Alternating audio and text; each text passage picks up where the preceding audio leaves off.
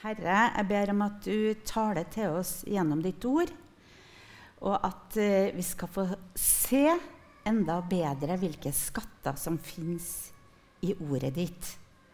Amen. Eh, når vi studerer Guds ord, og når vi leser Guds ord, så, så kan jo mye interessant skje. Jeg har bare lyst til å fortelle noe som eh, Sanna fortalte. Jeg vet ikke om det går an å oversette dette, her, for det er litt sånn ordspill på norsk. Men hun leste i Andre Mosebok, og der står det Neste dag satt Moses og skiftet rett blant folket. Og hun leste Hæ? Neste dag satt Moses og skiftet rett blant folket. Satt han og skifta midt oppi forsamlinga? Men det det står, da, hvis man setter sammen ordene riktig Neste dag satt Moses og skiftet rett blant folket. Han var dommer blant folket. Men sånn, sånn kan det jo gå noen ganger når vi leser i Bibelen. Så mm. eh, Jeg skal si noe om hvorfor studere Bibelen. Og da skal jeg først si noe om noe som ikke er en grunn. Eh, og det er at det med dårlig samvittighet det er ingen grunn til at vi skal lese i Bibelen. Det er ikke en plikt. Liksom, og hvis jeg ikke leser Bibelen, så får jeg dårlig samvittighet. Så for å tilfredsstille Gud så må jeg lese i Bibelen. Mm -mm. Det trenger vi ikke. Fordi Gud trenger ikke vår bibellesing. Han vet alt. Og eh, han er Gud uansett hva vi gjør eller ikke gjør. Og det er også sånn at um, det er ikke sånn at Gud blir mer glad i oss hvis vi leser Bibelen og ber og går på møte. Vi trenger det, ja. Men Gud trenger det ikke. Og han har gjort alt. Eh, han har utøst det han hadde. Han ga oss Jesus. Det er ingenting som mangler på hans kjærlighet til oss. Så om vi leser Bibelen eller ikke, så elsker Gud oss. Det er viktig å vite. For det er ikke, det er ikke denne skyldfølelsen som skal få oss til å lese i Bibelen. Gud, har, Gud elsker oss uansett. Men vi skal se litt på hva sier Bibelen sjøl om, om Bibelen. Og da står det i Salme 1 der står det i de tre første versene Salig er den som ikke følger lovløses råd, ikke går på synderes vei og ikke sitter i spotteres sete, men har sin glede i Herrens lov og grunner på Hans lov dag og natt. Han er like tre, plantet ved rennende vann. Det gir frukt i rett tid og løvet visner ikke. Alt han gjør, skal lykkes. Å grunne på hans ord, det er jo det å studere det, tenke på det, meditere på det. Sånn at det får prega oss, og sånn at det får tale til oss. Og da følger det en, et fantastisk løfte med. Vi blir som et tre planta ved rennende vann. Friskt, grønt, gir frukt i rette tid. Løvet visner ikke. Og det vi gjør, skal lykkes. For da blir vi prega av det ordet. Og så er det jo en salme i Bibelen, den aller lengste salmen, 119. Der er det 176 vers. Og I alle de versene så står det noe om Guds ord og Guds lov. Jeg har plukka ut noen av de versene da, som jeg syns er veldig fine, og som sier litt om verdien av å studere ordet. Jeg gjemmer ditt ord i mitt hjerte, så jeg ikke skal synde mot deg. Altså, Ordet beskytter oss og veileder oss, sånn at vi ikke skal tråkke i salaten. Gi meg forstand til å ta vare på din lov og holde den av hele mitt hjerte. Det gir forstand Led meg på den stien dine bud viser. For den gir meg, den gir meg glede. Så ved å studere Guds ord så får vi glede i hjertet. Og ditt ord er en lykt for min fot og et lys på min sti. Lyse opp veien for oss.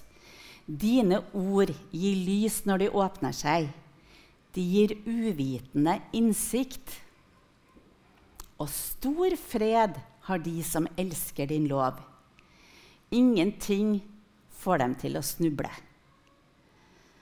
Så herved skulle vi være oppmuntra å se de gode tingene som skjer når vi studerer Guds ord. Og så er det en veldig fin ting med ordet, fordi det er jo levende og virkekraftig.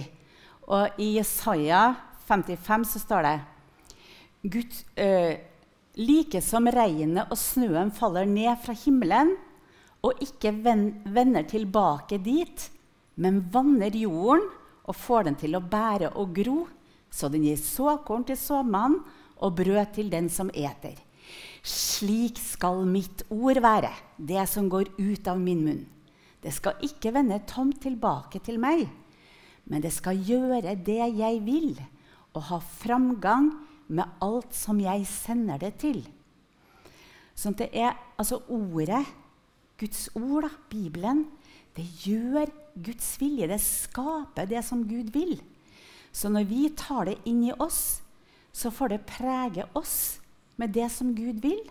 Og når vi deler det ut, så gjør det det som Gud vil. Og det skal ha framgang med alt han sender det til. Um, de første metodistene, um, Charles og um, John Wesley uh, og den bibelgruppa de hadde på universitetet, de ble kalt for bibelmøll. Fordi at de granska og leste og studerte og samtalte om Guds ord og ba sammen. Og ut ifra den bibelgruppa der så kom det en veldig vekkelse som prega hele eh, England eh, med Guds ord. Mange sier at en viktig grunn til at eh, England ikke lev, opplevde en revolusjon, en blodig revolusjon, sånn som i Frankrike, det var metodistvekkelsen. For den tok tak i folk eh, og gjorde det som Gud ville med dem. De slutta å drikke, de slutta å slå familien sin. Eh, de, å, de, lærte seg å lese, for de skulle jo studere Guds ord. Og livene ble forandra. Så istedenfor å drikke bort pengene, så tok de vare på pengene og hadde noe å gi til andre. Og hele samfunnet ble forandra nedenfra gjennom at Guds ord kom ut til folket gjennom den vekkelsen. Det er fantastisk. Og Det samme kan vi jo si med Norge også. Når Haugevekkelsen gikk over landet vårt altså Det gjorde noe med hele folkesjela i Norge, som vi enda høster frukter av. Så det er Yes! og så eh, er det også sånn at ordet, det skaper tro. I Romerne 10, 17 så står det Så kommer troen av det budskapet en hører, og budskapet kommer av Kristi ord. Altså troen, den kommer, den. Når vi tar til oss Guds ord. Så derfor så Hvis vi vil ha en tro som vokser, så er det bare å ta imot ordet, for troen, den kommer derifra. Og så er det et ord som jeg elsker. Det er Johannes 1,12. Og det handler om hvordan vi blir Guds barn. Der står det alle som tok imot ham, Jesus, dem ga han rett til å bli Guds barn, de som tror på hans navn. Og det her syns jeg er så viktig. Jeg synes det er så viktig å gi det til barna og de unge, og til, til voksne folk også som søker frelse. Fordi at ja, Når vi har blitt kristne, så er vi, vi er jo fortsatt mennesker. og vi har følelser som kan gå opp og ned. Og det kan nesten være sånn Nei, er jeg Guds barn i dag? Nei, jeg føler ikke det. Men det er, jeg skulle si, det er uinteressant fordi vi bygger frelsesvissheten på Guds ord. Har jeg tatt imot Jesus? Ja. Eh, tror jeg på hans navn? Ja. Da er jeg Guds barn. Følelser eller ikke følelser. Jeg er Guds barn. Og Derfor er det så viktig at vi bygger vår tro og vår frelsesvisshet på det som står i Guds ord. For det står fast. Og så er det jo det med at Guds ord, det er sannhet. Det er alltid sannhet. Eh, hvis vi, her, vi, skal lese dette verset fra 2. Timoteus, og det er som å be, beskrive vår egen samtid. Paulus sier til Timoteus.: Forkynn ordet. Vær rede i tide og utide. Overbevis, irettesett og trøst med all tålmodighet og lære. For det skal komme en tid da de ikke skal tåle den sunne lære, men etter sine egne lyster skal de ta seg lærere i mengdevis, etter det som klør i øret på dem. De skal vende øret bort fra sannheten og vende seg til eventyr. Men vær du edru i alle ting. Det er veldig vanskelig i vår tid å skille mellom løgn og sannhet. Um, hvis man jeg har, jeg har, jo hatt elever i mange år, og så kan de komme med mange rare påstander. Og så spør jeg ja, hvor har du dette her fra. Jeg har det fra Internett. Som om det er en kilde til sannhet. Der står det mye som ikke er sant, og det står selvfølgelig også noe som, eh, som er sant. Men det, det, er ikke noe å bygge livet på. Men Guds ord, det er alltid sant. Um, vi skal vel lese et par vers til. I ham er også dere kommet til tro da dere hørte sannhetens ord, evangeliet om deres frelse. I ham er dere blitt merket med et seil, Den hellige ånd som var lovt, og som er pantet på vår arv inntil forløsningen kommer for Guds folk, til pris og ære for Hans herlighet. Vi har tatt imot sannhetens ord. Og Jesus sier også, om han ber for disiplene, så sier han, 'Hellige dem i sannheten'. Ditt ord er sannhet. Um, nå hørte jeg at veldig mange unge mennesker de får um, sin teologi fra lovsangene. Og det kan også være så ymse. I dag syns jeg vi sang, vi sang en trosbekjennelse. Eh, vi lover deg Gud, Fader, Sønn og Hellig Ånd. Og jeg tror på Gud, den allmektige skaper av himmel og jord. Det er jo Guds ord. Så eh, hvis det er sånne sanger vi synger, så er det til hjelp. Men av og til så blir det litt grunt. Og derfor så er det kjempeviktig at vi lærer den unge å studere ordet og ta til seg ordet. For da eh, er det ikke så lett å fare vill. Men så er det en veldig fin ting. Og det at Jesus han identifiserer seg med ordet. Eh, det står i 1. Johannes i begynnelsen var Ordet, og Ordet var Gud. Og Ordet, ordet var hos Gud, og Ordet var Gud. Altså, det var Jesus han er Guds levende ord. Og så står det i vers 14 i Johannes 1.: Og ordet ble menneske og tok bolig blant oss. Altså Guds ord. Det fikk kjøtt og blod, og det ble en del av oss. Det levde i vår verden. Så når vi ser Jesus, så ser vi Guds ord. Så ser vi Guds vilje. Så ser vi Guds karakter. Og Jesus han sier jo også 'Jeg er veien, sannheten og livet'. Ingen kommer til far uten ved meg. Altså, Jesus er sannheten. Av og til når vi har rett, sant Det som jeg mener det er rett, så kan vi være litt harde og slå noen i hodet med sannheten. Jesus han slo ikke folk i hodet. Han var sannheten. Men han var samtidig full av nåde og barmhjertighet og godhet. Ikke minst mot dem som hadde falt, dem som var syndere, dem som hadde gjort Guds bud imot. Han var sannheten, men han var også nåden. Og fordi at han ikke bare er sannheten, men også veien, så er han den som leder folk fra synden til Gud. Og han er livet. Han gir evig liv. Sånn at Jesus han, han ikke, altså Den sannheten som er Guds ord, den er ikke, den er ikke hard. Den er Jesus. Så tenk på hvordan er Jesus. Sånn er sannheten. Sånn er Guds sannhet.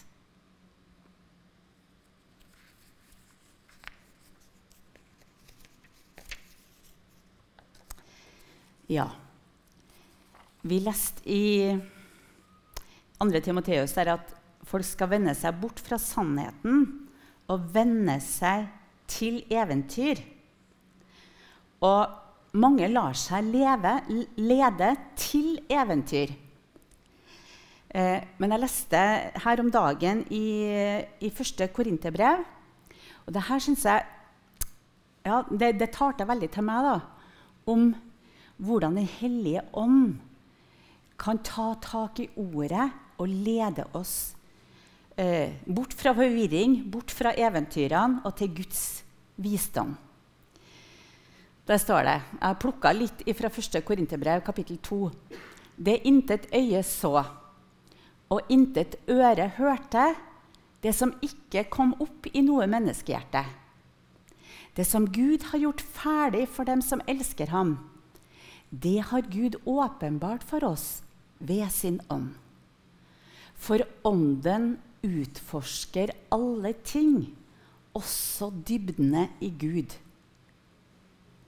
Hvem andre enn menneskets egen ånd vet hva som bor i et menneske? Slik vet heller ingen annen enn Guds ånd hva som bor i Gud. Vi har ikke fått verdens ånd, men den ånd som er fra Gud, for at vi skal forstå hva Gud i sin nåde har gitt oss. Slik menneskene er i seg selv, tar de ikke imot det som hører Guds ånd til. Det er dårskap for dem. Og de kan ikke fatte det, for det kan bedømmes bare på åndelig vis. Jeg syns vi ser en del av det her i samfunnet. At mennesker greier ikke å ta imot det som hører Gud til, det som hører Guds ånd til. Det som er den gode veien. Isteden så vender de seg bort til eventyr og mye forskjellig. Um, et konkret eksempel som er veldig aktuelt, som jeg ikke skal ta i hele sin dybde, det, det, det er en annen som skal gjøre i mars. Men eh, hvor mange kjønn finnes det? Vet dere hva ungene lærer på skolen? Ikke på Heimdal friskole og ikke på Thomas-skolen, men på andre skoler. Eh, så er det, det er, Vi vet ikke hvor mange kjønn det er. Eh, det er i hvert fall flere enn to. Og det kan være ja, uendelig mange, egentlig. For det handler om hva du føler deg som. Mens all biologi sier at det fins bare hannkjønn og hunnkjønn. Det fins bare to kjønn. Det fins bare mann og kvinne. Og Bibelen sier Gud skapte oss til mann og kvinne. Men for folk som ikke kjenner Gud, så er det veldig lett å bli en kasteball. Og jeg så et sånt intervju med noen ungdommer de hadde hatt eh, et sånn eh, opplysningstime om det her med kjønn og kjønnsidentitet. Og da sto alle de her flotte tenåringsjentene og sa ja, det her var så viktig undervisning, og vi vet i hvert fall at det fins mange kjønn. Altså Hvis skolen og samfunnet kommer med desinformasjon, så er ungene altså, har, har, de noe å stå imot med? Men heldig er den da som vokser opp i en menighet, som har troende foreldre, og som i tillegg eh, tør å stole på vitenskapen i dette tilfellet, på biologien, så vet vi at eh, sannheten har ligget der i, i uminnelige tider, fra skapelsen av, og den har ikke endra seg.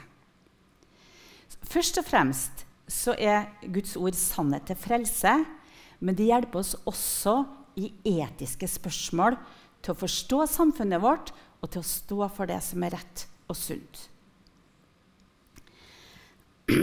Derfor sier Paulus um, Han snakker om Guds fulle rustning i Efeserne 6. Og han sier, ta derfor på Guds fulle rustning, så dere kan gjøre motstand på den onde dag og bli stående etter å ha overvunnet alt. Stå da fast, spenn sannhetens belte rundt livet og kle dere i rettferdighetens brynje. Stå klar med fredens evangelium som sko på føttene. Hold alltid troens skjold høyt. Med det kan dere slukke alle den ondes brennende piler. Ta imot frelsens hjelm og åndens sverd, som er Guds ord. Eh, jeg tror de fleste av oss er klar over at vi er i en kamp i, den, i dette livet. Og det er en åndskamp, og da trenger vi Guds rustning. Og da står det at Guds ord, det er åndens sverd. Og det betyr at når vi har Guds ord i oss, så har Ånden noe å jobbe med. Da kan han minne oss og si ja, men du vet jo hva som står der. Du, han minner oss om bibelversene og Guds ord, sånn at vi kan bli stående når, eh, når angrep kommer. Vi løfter troens skjold, vi tar åndens sverd, og vi har sannheten som belte om livet, sånn at vi kan bli stående. Det, altså, det ligger også et løfte i dette her. For kampen kan være hard, og ting som møter oss i livet, kan være tøft. Men vi har tenkt å bli stående i kraft av Guds rustning som Han har gitt oss. Ja. Og så er det noe med Jesus. Han åpner ordet for oss. Altså Guds ord er mye mer enn trykksverte og papir. Når vi leser Guds ord, så kan Den hellige ånd ta tak i det og gjøre det levende for oss. Sånn som Jesus gjorde for de her to disiplene etter oppstandelsen. Når han gikk fra Jerusalem eh, til Emmaus sammen med de to som var så trist for Jesus var død. Og så hadde det kommet noen kvinner og sagt de har sett den levende. Og de var jo helt forvirra. Og så kom Jesus der. Og så begynte han å forklare og han forklarte gjennom hele Det gamle testamentet hva som står om Messias. At han skulle lide, at han skulle dø, og at han skulle oppstå. Og så sier de her to eh, disiplene Brant ikke våre hjerter i oss da han talte til oss på veien og åpnet Skriftene for oss? Sånn jobber Den hellige ånd. Sånn jobber Jesus i oss. Og vi trenger virkelig denne åpenbaringen eh, ved Den hellige ånd. Han her er det sikkert noen av dere som kjenner. Han heter Tor Håvik, og han var med på Farmen for to år siden. Farmen det er en sånn serie som går på norsk TV, der folk skal leve eh, på en, eh, et gårdsbruk og leve som de gjorde på 1800-tallet. I hvert fall, Han var kristen, han var prest. Og han, i den eh, serien der, da, som gikk over flere måneder, så var han så frimodig på eh, at han var en kristen.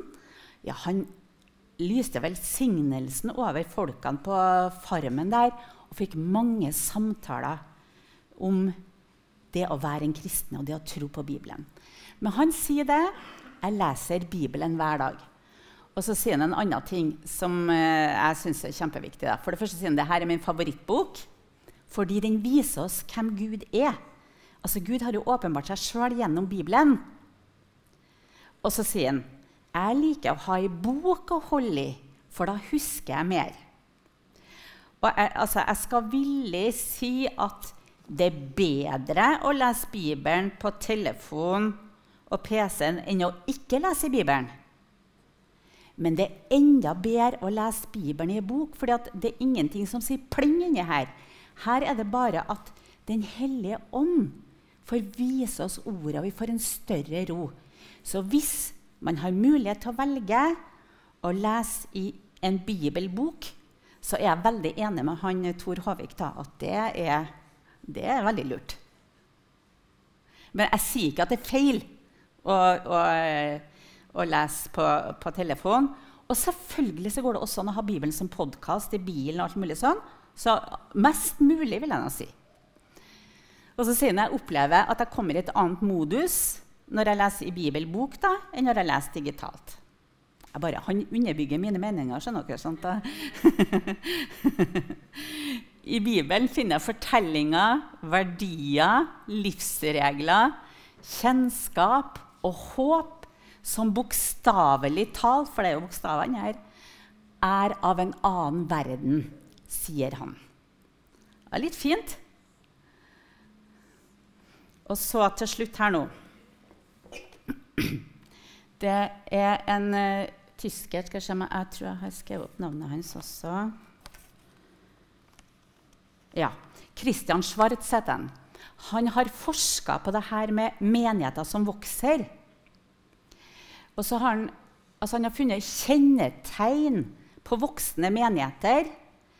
Og det er de tingene som står her. da. Utrustende lederskap. Det er sånn som Så dere det her i dag? Her står Marianne med tweens. Hun utruster dem til ledere. Det er utrustende lederskap. Nådegavebasert tjeneste, at man får tjene ut ifra de gavene man har. Og så er det engasjert trosliv. Og det handler jo om at vi sjøl leser Guds ord og ber og har fellesskap med Gud. Og deltar i fellesskap med hverandre. Det er også et av kriteriene på menigheter som vokser, eller et av kjennetegnene vil jeg si, på menigheter som vokser. Og så står det flere ting her da, Inspirerende gudstjenester, varme relasjoner, behovsorientert evangelisering. Altså, det er sånn som vi gjør med matutdeling, at det fins behov i nærmiljøet. Og da er det noen som går og møter de behovene, sånn som Eigil og teamet som driver med matutdeling. Eller når vi driver barnehage og skole. Altså vi møter behov som er i samfunnet. Hensiktsmessige strukturer Altså at det er en god struktur på menigheten, og livsnære grupper. altså det her Connect-gruppene, husfellesskapene. Og så er det sånn, Hvis dere ser på det her Det er et ganske godt bilde, fordi at dere ser at det er laga som ei tønne. da. Og tønna holder jo ikke mer vann enn det svakeste leddet. Så hvis vi f.eks. ikke har et engasjert trosliv, da, så renner det jo mer vann ut. Sånn at vi kan ikke vokse. Altså det betyr at det renner folk ut egentlig av den. Eller hvis man ikke, er, hvis man ikke har husgrupper, eh, struktur, utrustende lederskap Og det her, det er bare forskning har bare undersøkt veldig mange menigheter som vokser, og så finner man ut jo, sånn er det. Og hvis man skal um, hvis man ønsker at menigheten skal vokse mer, så går det an å analysere hvor er våre svakeste punkt hen. Hvor skal vi få opp eh, et sånt tønneblad, eh, sånn at vi kan eh, bevare flere folk i menighetene? Så det med eh, engasjert trosliv det er faktisk et kjennetegn på menigheter som vokser. Ja. Og så til slutt. Nå er det aller slutt. og det er det som står i, i 5. Mosebok. Det er så viktig. Det er om Guds ord og til våre barn.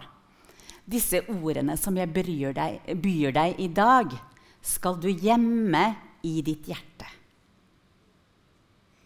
Og du skal innprente dem i dine barn. Du skal tale om dem når du sitter i ditt hus, når du går på veien, når du legger deg, og når du står opp. Altså, la Guds ord prege livet. Eh, la Guds ord få lede oss i de forskjellige situasjonene når vi står opp, når vi går på veien, når vi sitter og vi legger oss. Og så innprente det i våre barn. Eh, og det gjør vi når vi leser bibelfortelling med dem på kvelden, når vi synger godnattasang, kristne godnattasanger Kan synge andre sanger òg, men når vi ber med dem vi hadde når våre barn, altså det, det, med, det med familieandakt det fikk ikke vi til. Men vi hadde en sånn boks med bibelvers som vi trakk et vers ut av. Altså leste, en, når de lærte å lese, fikk jo ungene lese på omgang det bibelverset for dagen. Og når vi har hatt unger på besøk, vi har jo vært sånn besøkshjem og fosterhjem, de har vært med på å lese og trekke bibelvers. Og få, få bibelversene, få Bibelen inn. Men aller kanskje viktigste er det å kjenne den store bibelfortellinga, sånn at vi blir kjent med Gud. Og Søndagsskolen, søndagsskolelærerne våre de gjør en kjempefin jobb med å gi ungene Guds ord. Og Hvis ungene går på kristen friskole, så får de Guds ord hver eneste dag. Så Det er også en måte å innprente. Men aller viktigst er vi som foreldre. At vi gir barna Guds ord, sånn at de har noe med seg ut i livet som holder dem på veien. Ja. Så da håper jeg at jeg svarte på det spørsmålet hvorfor skal vi studere Guds ord.